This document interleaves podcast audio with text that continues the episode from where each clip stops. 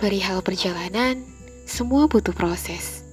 Jalan mana pun yang kita tempuh, pada akhirnya akan mengantarkan kita pada kerikil-kerikil kecil hingga badai besar. Maka cukuplah Allah sebaik-baik penolong. Perihal bertahan itu bukanlah perkara mudah, lebih lagi jika harus melangkah. Nyatanya, ada hati yang harus disanggah agar tak jatuh. Ada mata yang harus dipejamkan agar tak mengguyur. Ada mulut yang harus disumpah agar tak berisak. Terlebih lagi, ada telinga yang harus ditutup agar tak mendengar suara-suara sumbang akan dada.